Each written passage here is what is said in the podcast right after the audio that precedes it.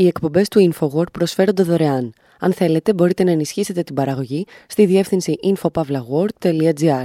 Η διεύθυνση infopavlagor.gr. Η εκπομπή InfoWord με τον Άρη Χατζηστεφάνου.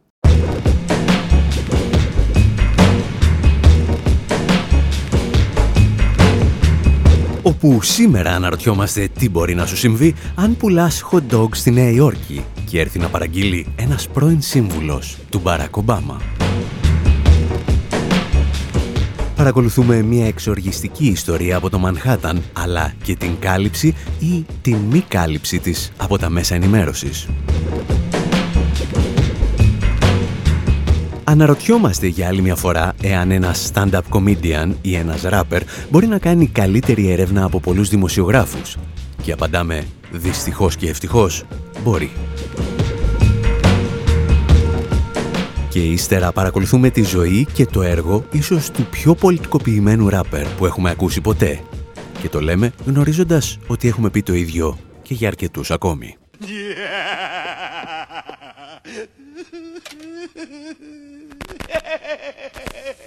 city's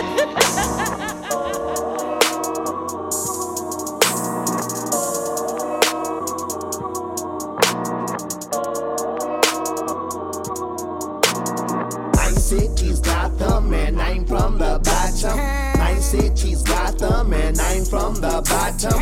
My city's Gotham and I'm from the bottom. I'm lost and I'm rotten. I won't be forgotten. My city's Gotham and I'm from the bottom. My city's Gotham and I'm from the bottom. My city's Gotham and I'm from the bottom. I'm lost and I'm rotten. I won't be forgotten. I'm here. Prepare yourself for loathing and fear. I swear, y'all making it to next year. My dear, my villainous, infamous, intricate plot will be clear. Ο Βένι Δεβένομου, τον οποίο δεν έχουμε ξαναματακούσει και μάλλον δεν θα ασχοληθούμε ποτέ ξανά μαζί του, υποστηρίζει ότι είναι κάτοικος της Gotham City και μάλιστα ζει λέει στον Πάτο όπου Gotham City είναι φυσικά η πόλη του Batman. Οι δημιουργοί του συγκεκριμένου ήρωα παρουσίασαν μια ανύπαρκτη, φανταστική πόλη γιατί ήθελαν, όπως έλεγαν, να μπορούν όλοι να ταυτιστούν μαζί της. Στην πραγματικότητα βέβαια, όλοι στις Ηνωμένες Πολιτείες γνώριζαν ότι πρόκειται για τη Νέα Υόρκη, γιατί η Gotham ήταν ένα από τα πολλά παρατσούκλια της πόλης ήδη από τις αρχές του 19ου αιώνα. Η Gotham City προσέλκυε πάντα τους χειρότερους παλιοχαρακτήρες των Ηνωμένων Πολιτειών. Και δεν αναφερόμαστε φυσικά στο Τζόκερ, τον οποίο όπως έχουμε εξηγήσει ίσως και να προτιμάμε ελαφρώς από τον Batman, αλλά σε πολιτικούς, επιχειρηματίες και λομπίστες που δανείζονται το όνομα της πόλης. Gotham, παραδείγματος χάρη, ονόμασε μία από τις επιχειρήσεις της η σκοτεινή εταιρεία Palantir, για την οποία έχουμε μιλήσει πολλές φορές στο παρελθόν όταν συνεργαζόταν με την κυβέρνηση Μητσοτάκη. Gotham όμως ονομάζεται και μία ιδιωτική εταιρεία που λειτουργεί σαν λόμπι του Ισραήλ. Και εδώ οι ιστορίες μας αρχίζουν να προσεγγίζουν επικίνδυνα την πραγματικότητα. Γιατί την περασμένη εβδομάδα ένας κακός από την εταιρεία Gotham βρέθηκε στη Νέα Υόρκη και αποφάσισε να τα βάλει με τον ιδιοκτήτη μιας καντίνας. Και αυτό είναι ένα απάνθισμα των όσων είπε. Μπορεί να σκοτώσαμε 4.000 παιδιά στη Γάζα, αλλά δεν είναι αρκετό. Θα καλέσω τους φίλους μου στην κρατική ασφάλεια της Αιγύπτου και θα πιάσουν τους γονείς. Θα βγάλουν τα νύχια του πατέρα σου. Δεν μου λες, βιάζεις και εσύ την κόρη σου όπως έκανε ο προφήτης Μωάμεθ. Δεν μιλάς αγγλικά, ε. Γι' αυτό είσαι τόσο αδαή και δεν ξέρεις ότι ο Μωάμεθ ήταν βιαστής. Θέλεις να φύγω, γιατί να φύγω; Μπορώ να στέκομαι εδώ. Είμαι Αμερικανός και αυτή είναι η χώρα της ελευθερίας. Δεν είναι σαν την Αίγυπτο. Ξέρεις ότι κάποιοι χρησιμοποιούν το άγιο Κοράνι σου για να σκουπίζονται στην τουαλέτα. Πώς σου φαίνεται που το χρησιμοποιούν στην τουαλέτα; Δεν μιλάς αγγλικά, ε; Γι' αυτό είσαι εδώ και πουλάς φαγητό σε μια καντίνα, γιατί είσαι αδαής.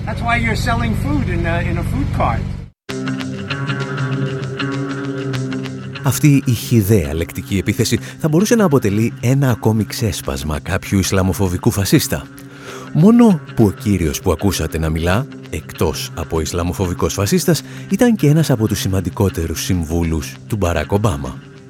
Ο Στιούαρτ Σέλντοβιτς έπαιζε καθοριστικό ρόλο στη χάραξη της εξωτερικής πολιτικής των ΗΠΑ σε όλη τη Μέση Ανατολή και κυρίως καθόριζε τις σχέσεις της υπερδύναμης με το κράτος του Ισραήλ. Και πριν από τον Ομπάμα ήταν ανώτατος στέλεχος του State Department, επί προεδρίας του George Bush του νεότερου. In New York City, a one time advisor to President Obama was arrested after he was caught on camera harassing a street Όπως ακούμε βέβαια στα αμερικανικά δελτία ειδήσεων, η αστυνομία της Νέας Υόρκης έκανε τη δουλειά της και συνέλαβε τον πρώην αξιωματούχο. Σε αντίθεση δηλαδή με χώρες σαν την Ελλάδα, όπου οι σύμβουλοι πρωθυπουργών έχουν το ακαταδίωκτο. Σήμερα όμως δεν θέλουμε να εξετάσουμε αν έκανε τη δουλειά της η αστυνομία, αλλά αν έκαναν τη δουλειά τους οι δημοσιογράφοι που κάλυψαν το περιστατικό.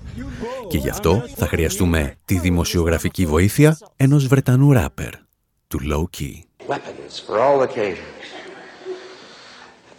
And everyone got excited about the technology. And I guess it was pretty incredible watching a missile fly down an air vent. Pretty unbelievable. But couldn't we feasibly use that same technology to shoot food at hungry people? This one is dedicated to the suit wearing arms dealers, to the champagne sipping depleted uranium droppers. Keep your hand on your gun. Don't you trust anyone. Keep your hand on your gun. Don't you trust anyone.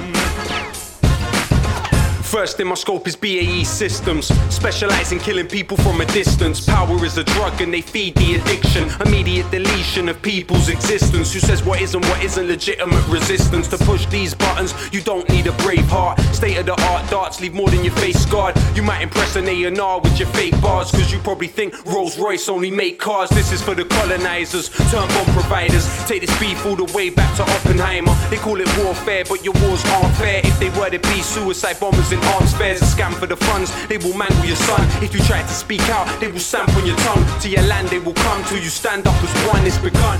Keep your hand on your gun. Ο κύριος που ακούτε να τα βάζει με την πολεμική βιομηχανία της Μεγάλης Βρετανίας και όχι μόνο, είναι ο Low Key, για τον οποίο θα ακούσουμε περισσότερα στο δεύτερο μέρος της εκπομπής. Εδώ τον χρειαζόμαστε όχι για τις μουσικές, αλλά για τις δημοσιογραφικές του αναφορές. Γιατί όσα ρεπορτάζ και αν ακούσαμε, είδαμε και διαβάσαμε για την ιστορία του Συμβούλου του Ομπάμα, θεωρούμε ότι η ανάλυση του Λόκι ήταν η ταχύτερη και με διαφορά η καλύτερη. Now we've all seen this footage of Stuart Seldowitz abusing a street vendor in New York. Όλοι έχουμε δει αυτό το βίντεο με τον Stuart Seldowitz να παρενοχλεί έναν πλανόδιο πολιτή στη Νέα Υόρκη. Αλλά ποιος είναι ο Stuart Seldowitz και με τι ασχολείται όλα αυτά τα χρόνια; Ο Stuart έχει λάβει τρεις φορές το βραβείο ανώτερης τιμής του State Department. Υπηρέτησε στο State Department στο Γραφείο Υποθέσεων Ισραήλ και Παλαιστίνης ως αναπληρωτής διευθυντής κατά την Προεδρία Bush. Αυτός ο ρατσιστής δηλαδή έπαιζε καθοριστικό ρόλο στο να προωθεί το μεγάλο ψέμα της λύσης των δύο κρατών για το Ισραήλ και την Παλαιστίνη. Πρόκειται για το τέχνασμα που χρησιμοποιούν για να κακοποιούν διαρκώς τους Παλαιστίνιους που βρίσκονται υπό Ισραηλινή κατοχή. Πρόκειται για μια εκστρατεία δημοσίων σχέσεων, μια οφθαλμαπάτη για ένα μέλλον που δεν υπήρξε ποτέ. Around the world, the mirage for a future that never existed.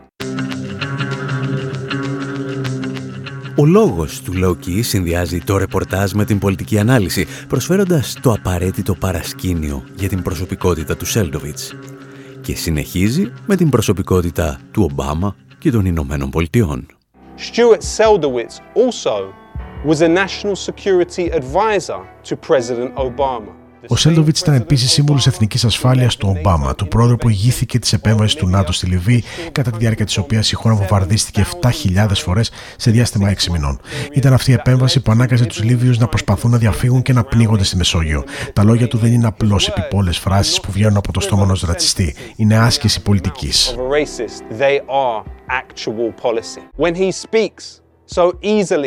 of fingernails being removed όταν λέει με τόση ευκολία ότι φιλοϊσραηλινοί και φιλοαμερικανοί δικτάτορες βγάζουν τα νύχια κρατουμένων, δεν μιλά μεταφορικά. Εννοεί ότι οι αυλοκόλακε της Αμερικανικής Αυτοκρατορίας βγάζουν νύχια ανθρώπων. Όσα ακούστηκαν στους δρόμους της Νέας Υόρκης εξέφραζαν την πολιτική των ΗΠΑ στην περιοχή καθ' όλο το διάστημα που εν λόγω κύριος εργαζόταν στο Αμερικανικό Υπουργείο Εξωτερικών. by the US State Department. Αν εξαιρέσει κανείς το σχολιασμό που προσθέτει ο Λόκι, οι υπόλοιπες πληροφορίες για το ποιος ήταν ο Σέλντοβιτς ήταν λίγο πολύ γνωστές και μεταδόθηκαν σχεδόν από το σύνολο των Αμερικανικών μέσων ενημέρωσης. Η κατάσταση όμως άλλαζε εμφανώς όταν έπρεπε να αναφερθούν όχι στο παρελθόν, αλλά στο παρόν του Σέλντοβιτς. Ίσως γιατί τα τελευταία χρόνια λειτουργούσε ως ένας ακόμη λομπίστας για λογαριασμό του κράτους του Ισραήλ. But beyond the outrage and the immediate association of Stuart Seldowitz Α αφήσουμε όμως για λίγο στην άκρη την οργή μας για τη σχέση του συγκεκριμένου κυρίου με τις κυβερνήσεις Ομπάμα και Μπούς και την νεκροπολιτική της Αμερικανικής Αυτοκρατορίας. Γιατί ο άνθρωπος που είδαμε να παρενοχλεί το μικροπολιτή ήταν υπάλληλος εταιρείας Gotham Government Relations. Πρόκειται για ένα λόμπι με πολύ στενές σχέσεις με τη Ισραηλινή κυβέρνηση. Ο Σάι Φράγκλιν, ένα βασικό στέλεχο εταιρείας, εργαζόταν ταυτόχρονα για το εμπορικό επιμελητήριο του Ισραήλ στο Κωσυφοπαίδιο. Παράλληλα, εκφράζει διαρκώς τη στήριξή του στο φρικτό πόλεμο στη Γάζα, διοργανώνοντας μάλιστα και φίλο Ισραηλινές διαδηλώσεις, στις οποίες συμμετείχε και ο Στιούαρτ Σελντοβίτς.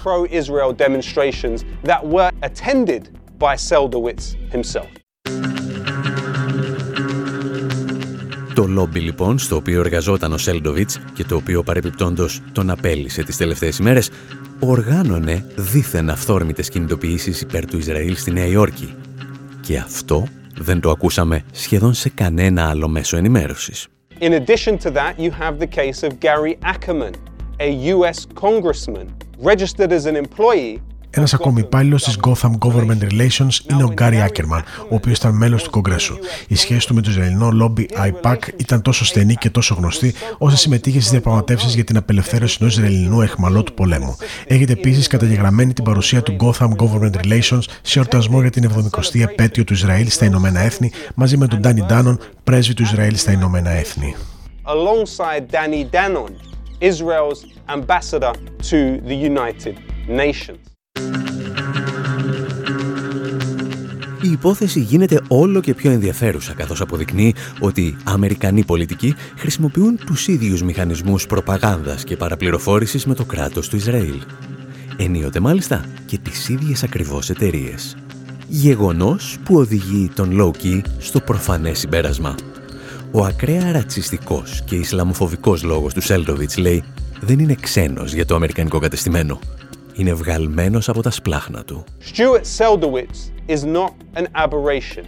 He is part of a wider push ο Στιούρα Σέλντοβιτς δεν αποτελεί μια παρέκκληση. Αποτελεί σάρκα ενό συστήματος που προκαλεί γενοκτονικούς πολέμους εναντίον των λαών της Δυτικής Ασίας, της Μέσης Ανατολής και πιο μακριά. Αυτός ο άνθρωπος είδε τους ανθρώπους του Αφγανιστάν να φανίζονται από την ατοική κατοχή. Είδε τους ανθρώπους του Ιράκ να βομβαρδίζονται με αποπλουτισμένο ουράνιο, το οποίο απειλούσε τις επόμενες γενιές με τερατογενέσεις και αύξηση του καρκίνου που δεν είχαμε δει ούτε στη Χειροσύμα. Οι πόλεμοι που επέβαλε ο Σέλντοβιτς και οι κυβερνήσεις στις οποίες εργαζόταν προκάλεσαν ανίποτη ανθρώπινη δυστυχία. Caused unspeakable human suffering.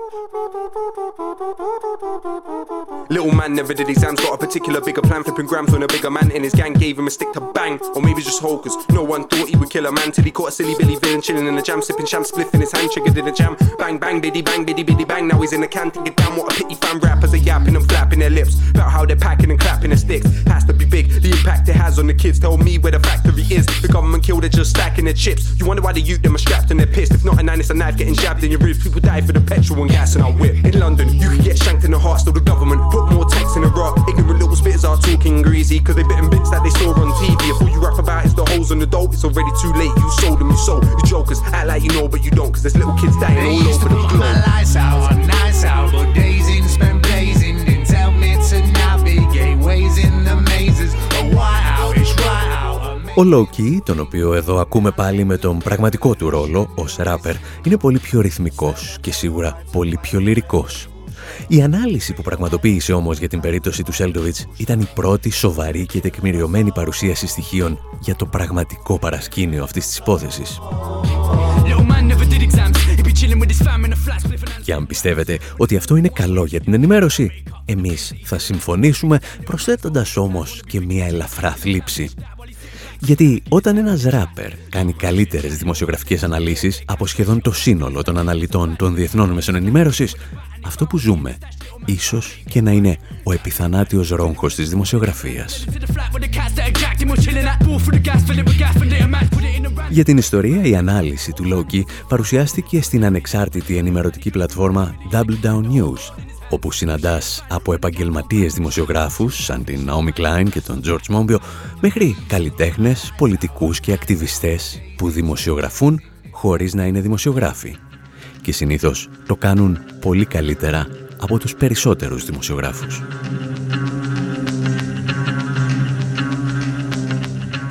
Θα επανέλθουμε σε αυτό το θέμα σε επόμενη εκπομπή. Αν θέλετε όμως μπορείτε να διαβάσετε το σχετικό κείμενό μας στην εφημερίδα των συντακτών. Εμείς σήμερα πάντως θέλουμε να επανέλθουμε στον low key με ορισμένες ακόμη μουσικές ιστορίες στο δεύτερο μέρος της εκπομπής.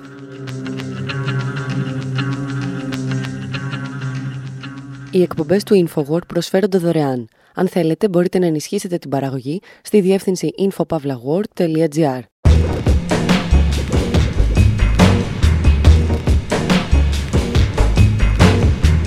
Εκπομπή InfoWord, μέρος δεύτερο. Όπου σήμερα συζητάμε για έναν Βρετανό ράπερ προσπαθώντας να αποφασίσουμε αν είναι καλύτερος ως μουσικός ή ως δημοσιογράφος. Θυμόμαστε τις ημέρες που του επιτέθηκε σύσσωμο το Ισραηλινό λόμπι για τα τραγούδια του και αυτός απλώς ξεσκόνησε το μπλουζάκι του και συνέχισε. Παρακολουθούμε την πορεία ίσως του πιο πολιτικοποιημένου καλλιτέχνη της hip hop και αναρωτιόμαστε πώς ένας μουσικός μπορεί να κατανοεί και να καταγράφει στο έργο του φαινόμενα από το gentrification και το νεοφιλελευθερισμό μέχρι τη σφαγή στην Παλαιστίνη. This is for Palestine, Ramallah, West Bank, Gaza. This is for the child that is searching for an answer. Wish I could take your tears and replace them with laughter. Long live Palestine, long live Gaza. Palestine, Ramallah, West Bank, Gaza. This is for the child that is searching for an answer. Wish I could take your tears and replace them with laughter. Long live Palestine. While we listen to tunes made by ignorant fools, Israel blocked the UN from delivering food. They bring in the troops and you won't even glimpse of the news. They make money off the products that we're quick to consume. And it's not simply a question of differing views. Forget emotions, this is facts. What I spit is the truth. Makes no difference if you're a Christian or if you're a Jew. They're just people living in different conditions to you. They still die when you bomb their schools, mosques and hospitals. It's not because of rockets, please God. Can you stop this all? I'm not related to the strangers on the the TV. But I relate, cause those strangers could have been me. Words could never ever explain the raw tragedy. It's not a war, they're just murdering more rapidly. And we are automatically supporting pure savagery. Imagine how you feel if this was your family.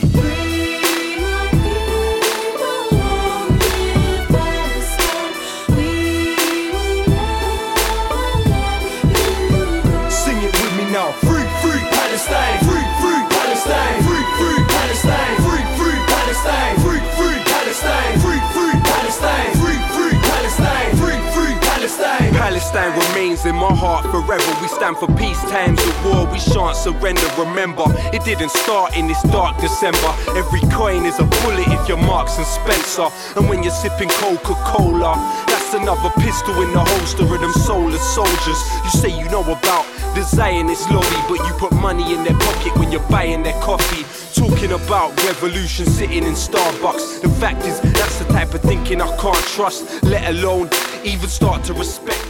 Το τραγούδι που ακούμε γράφτηκε το 2010 και λέγεται Long Live Palestine. Αλλά πριν από ένα χρόνο προκάλεσε μια θύελα αντιδράσεων.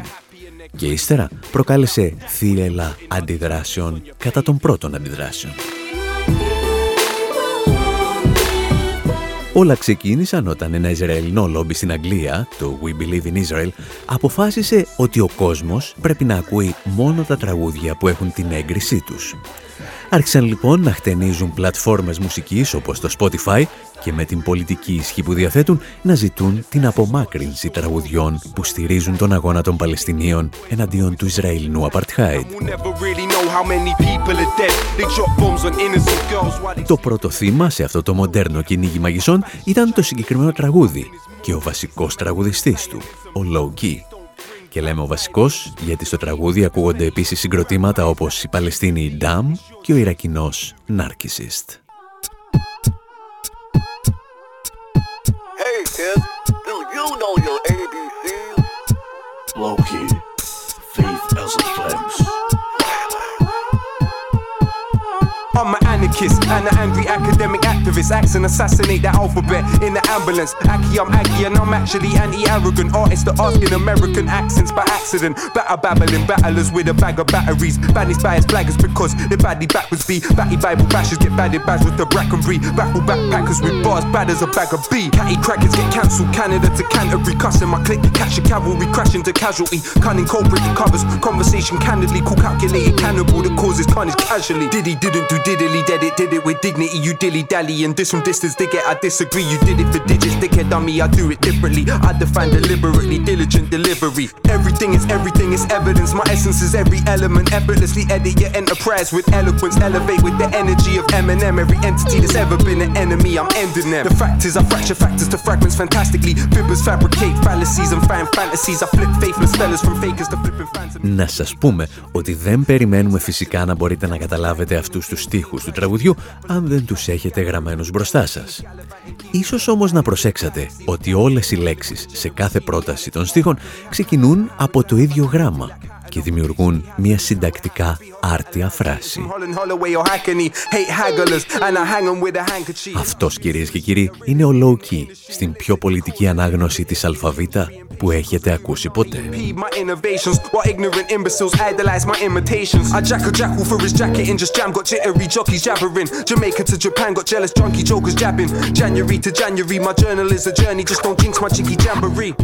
Ο Λόκι γεννήθηκε ως Καρίν Ντενίς και έδωσε μάχη για να αποκτήσει το ψευδόνυμό του.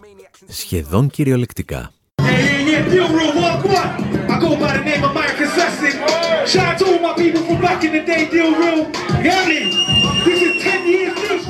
Έχουμε μεταφερθεί στην θρηλυκή Carnaby Street του Λονδίνου, στο μαγαζάκι της Deal Real Records, εκεί όπου χτυπούσε για χρόνια η hip-hop καρδιά της πόλης. Ο Καρίμ παρουσιάζεται με το ψευδόνυμο Low Key σε μια βραδιά Open Mic και αμέσως τον πληροφορούν ότι δυστυχώς το όνομα είναι πιασμένο από έναν άλλο θαμώνα του μαγαζιού. Η μόνη λύση είναι να μονομαχήσουν σε ραπ τραγούδια και μπορείτε να μαντέψετε ποιος κέρδισε εκείνη τη μάχη. Από τις αρχές της νέας χιλιετίας, ο Λόκι θα βρεθεί δίπλα σε ορισμένους από τους πιο πολιτικοποιημένους καλλιτέχνες της hip-hop σκηνής. Ονόματα τα οποία έχουμε παρουσιάσει πολλές φορές και από αυτήν εδώ την εκπομπή, όπως η Dead Press και ο Immortal Technique. Και με τον τελευταίο θα γράψουν ιστορία, όπως τουλάχιστον ισχυρίζονται και οι ίδιοι. These times are coming. We told you about them, but you motherfuckers were sleeping. Now you gotta wake up. The time has come. Low key. Yeah. Immortal technique. Harlem motherfucker. Let's make history.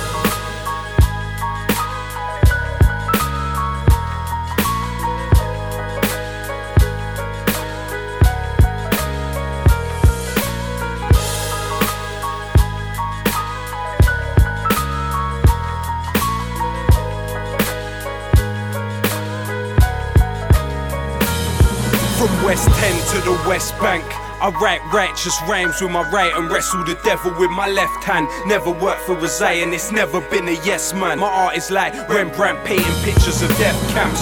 The average person is allergic to the words of wisdom. This is for everyone the Saddam's Kurdish murder victims and all the pure souls that never had the chance to speak. Truth pumps in my arteries and causes my heart to beat. For soldiers haunted and tortured by guilty memories who realize too late to reveal their real enemy. It's all dead wrong for every victim of racist persecution from Auschwitz to Hebron. My words may sting cowards for people that were atomized by the third mate in the Twin Towers. Those living through the wars ask me what I do this for. Put the world in its place before it puts you in yours.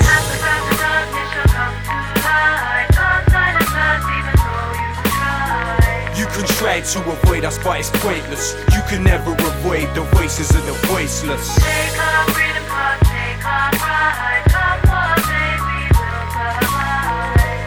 Tried to avoid us, but it's pointless. You can never avoid the voices of the voiceless. Keep my third eye hidden under my New York fitted. A crazy unmarried man that deserves to be committed. The future is encrypted in my troubled lyrics. Dream that I've been somewhere for weeks and wake up in a couple minutes. Sweat dripping with visions of population control. Thoughts overflow in my world like the melting of the North Pole. My people are targeted by military crack committees. So I'm bucking at the feds like natives in Rapid City. Reality savage. My words are like a riot in Paris. The voice of the voiceless. That voice is social imbalance. So stand stronger. Sit harder in your mental palace. Blinded inside the kingdom. United to its old habits.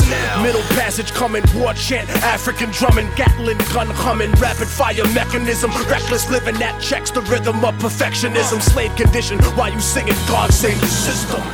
Το πρόβλημα όταν συνεργάζονται καλλιτέχνες σαν τον Low Key με τον Immortal Technique είναι ότι χρειάζεσαι μία εκπομπή απλώς για να αναφερθείς στα θέματα που μπορεί να θίγουν σε ένα και μόνο τραγούδι τους. Εδώ, παραδείγματος χάρη, τραγουδούν για την απεικιοκρατία, τη Χειροσύμα και τον Αγκασάκη, τις διώξεις και τα στρατόπεδα συγκέντρωσης από το Auschwitz μέχρι τη Χευρώνα, για τα χημικά που χρησιμοποίησε ο Σαντάμ Χουσέιν εναντίον των Κούρδων του Βορείου Ιράκ, για το λιώσιμο των πάγων στους πόλους, για την προσάρτηση των εδαφών των Ινδιάνων από το Αμερικανικό κράτος, για κάτι συγκρούσεις με τα ΜΑΤ στο κέντρο του Παρισιού, για τη Βασίλισσα της Αγγλίας, για τους βιασμούς κοριτσιών από στρατεύματα κατοχής και ακόμη δεν έχουμε ξεκινήσει. Αν θα έπρεπε να συγκρατήσετε όμως έναν μόνο στίχο, θα μπορούσε να είναι αυτός που λέει «Η τέχνη μου είναι σαν να βάζεις στο Ρέμπραντ να ζωγραφίζει στρατόπεδα εξόντωσης».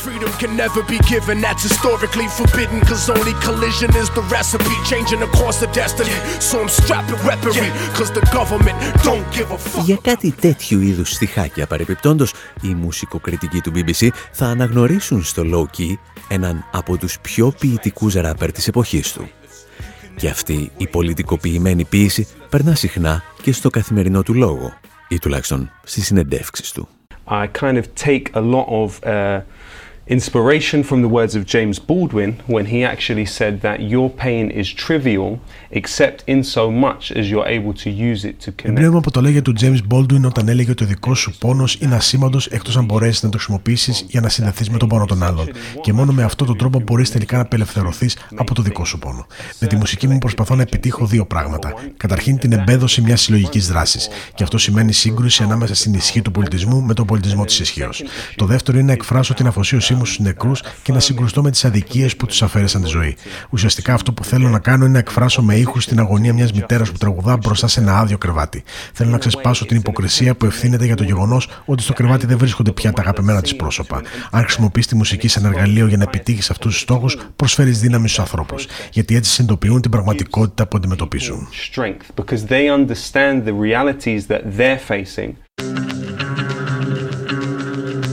Παρεπιπτόντος δεν είμαστε σίγουροι εάν είναι νόμιμο ότι μεταδώσαμε αυτό το απόσπασμα σε μια ελληνική εκπομπή. Γιατί τη συγκεκριμένη συνέντευξη την είχε δώσει ο Λόκι στον βραβευμένο με Πούλιτζερ δημοσιογράφο Chris Hedges στο δίκτυο Russia Today. Και ύστερα από τις ευρωπαϊκές απαγορεύσεις, το YouTube αποφάσισε να διαγράψει όλες τις εκπομπές του από την πλατφόρμα. Για να επιστρέψουμε όμως στον Loki, ενώ σε ορισμένες περιπτώσεις ο λόγος του γίνεται ιδιαίτερα ποιητικός, σε άλλες περιπτώσεις θυμίζει περισσότερο κείμενο ερευνητικής δημοσιογραφίας. Και όσοι δεν το γνώριζαν, το κατάλαβαν μετά την τραγωδία στον πύργο του Γκρένφελ, στο δυτικό Λονδίνο. It's taking place in West London. This is happening in West London. It's, there is an evacuation process underway. We have no word on the number of people... Ενώ τα διεθνή μέσα ενημέρωσης μετέδιδαν ακόμη τις πρώτες πληροφορίες από την πυρκαγιά στο κτίριο, όπου θα καούν ζωντανοί περίπου 80 άνθρωποι, κάποιοι συνειδητοποιούσαν ότι δεν πρόκειται για δυστύχημα, αλλά για έγκλημα. Ο πύργος του Γκρένφελ, αν θυμάστε, ήταν ένα άσχημο οικοδόμημα που χαλούσε τη θέα σε ορισμένα από τα πιο ακριβά διαμερίσματα του Λονδίνου. Η εταιρεία που τον διαχειριζόταν αποφάσισε λοιπόν να τον καλύψει με μια φθηνή πλαστική επένδυση, η οποία αποδείχθηκε ιδιαίτερα έφλεκτη. Το εξηγούσε με περισσότερο εκνευρισμό και πάθος ο Άμερ Ανουάρ, πρίτανης του Πανεπιστημίου της Γλασκόβης.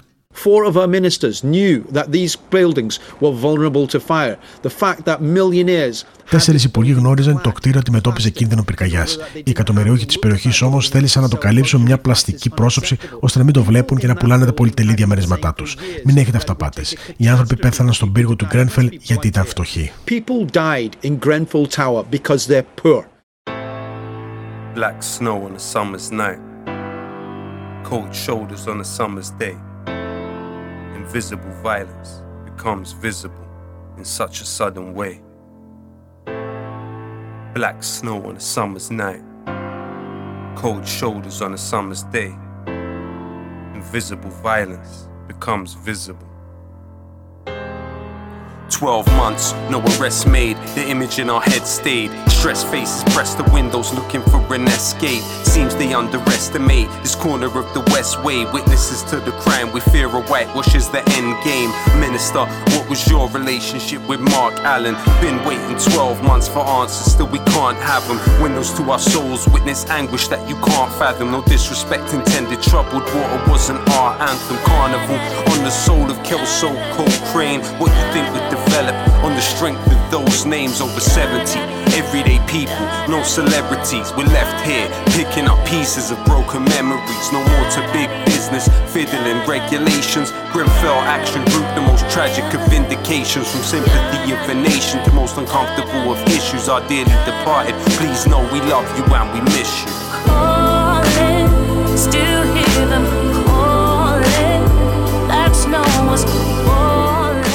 Ένα χρόνο μετά την πυρκαγιά, ο Λόκι παρουσιάζει ένα τραγούδι μανιφέστο, το Ghosts of Grenfell, το οποίο ακούμε εδώ. Στο τραγούδι κατονομάζει τους υπεύθυνους της τραγωδίας. Μιλά δηλαδή για τις κατασκευαστικές εταιρείες και τις σχέσεις συγκεκριμένων εργολάβων με συγκεκριμένους υπουργούς της Βρετανικής κυβέρνησης. Critical, listen to some, thinking we're simple and dumb. Criminal. Μεταξύ άλλων, αποτείει όμως και φόρο τιμής σε ένα συνάδελφό του, τον Βρετανό ράπερ Stormzy, ο οποίος βγήκε στα Brit Awards και αναρωτήθηκε μήπως θα ήταν καλή ιδέα να κάψουν το σπίτι της τότε Πρωθυπουργού Τερέζα Μέη, μήπως και καταλάβει τι πραγματικά συνέβη στον πύργο του Γκρένφελ. The tip of my pen tell. No fear, I'ma let the tip of my pen show. That yo, Theresa May, where's that money for Grenfell? Well, you thought we just forgot about Grenfell, you criminals. And you got the truth to call us savages. You should do some jail time. You should pay some damages. We should burn your house down and see if you can manage this. And peace with coke. We just smoke a bit of cannabis. So, don't get me for this, so be woke. This year I'm dishing out L's and free smoke. Ο Λόκι είναι λοιπόν πάντα βαθύτατα πολιτικός, αλλά σε ορισμένες περιπτώσεις γίνεται και ιδιαίτερα γεωπολιτικός. Και ίσως το χαρακτηριστικότερο παράδειγμα να είναι το τραγούδι του Terrorism, στο οποίο εξηγεί τη διαφορά της τρομοκρατίας των από πάνω με την αντίσταση των από κάτω. So, we must ask ourselves what is the dictionary definition of terrorism? The systematic use of terror, especially as a means of coercion. But what is terror?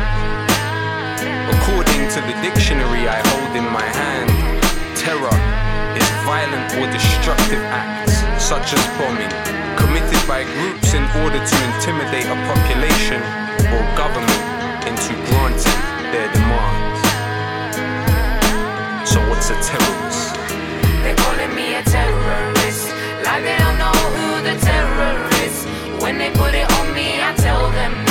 I'm all about peace and love.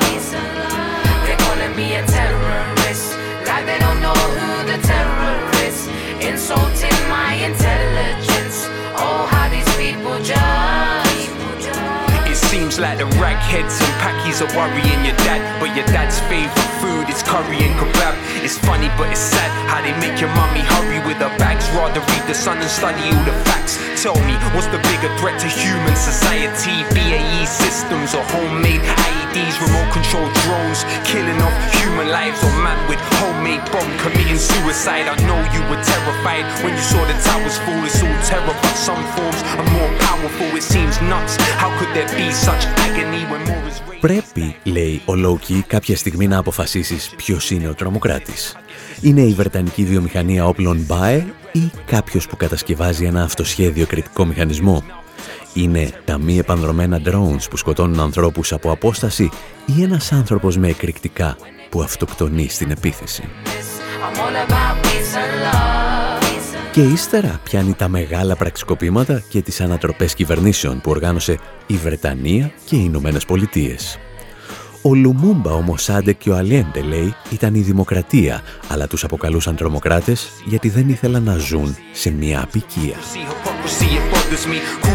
Και κάπου εκεί, στην τελευταία στροφή, λέει περισσότερες ιστορίες από όσες μπορούμε να χωρέσουμε σε αυτήν την εκπομπή. Τρομοκρατία, εξηγεί ο Λόκη, είναι το νησί Diego Γκαρσία, μια διαμφισβητούμενη βρετανική κτήση στην οποία οι Ηνωμένες Πολιτείες πραγματοποιούσαν βασανιστήρια κρατουμένων. Τρομοκρατία είναι οι βόμβες φωσφόρου που χρησιμοποιεί το Ισραήλ.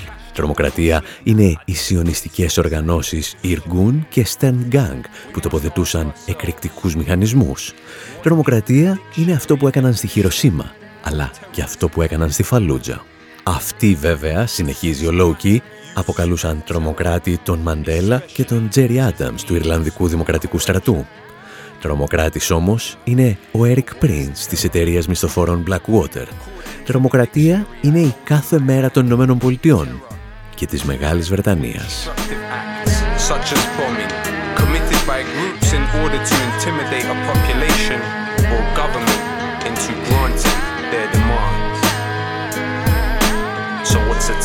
Κάπου εδώ πάντως εμείς λέμε να σας αφήσουμε και για αυτή την εκπομπή. Να θυμάστε ότι με τη βοήθεια του Ανδρέα Κοσιάρη παρακολουθούμε καθημερινά τις εξελίξεις στη Γάζα στο info.pavlawar.gr Εκεί όπου μπορείτε να βρείτε και περισσότερα από τα 500 podcast αυτής της εκπομπής.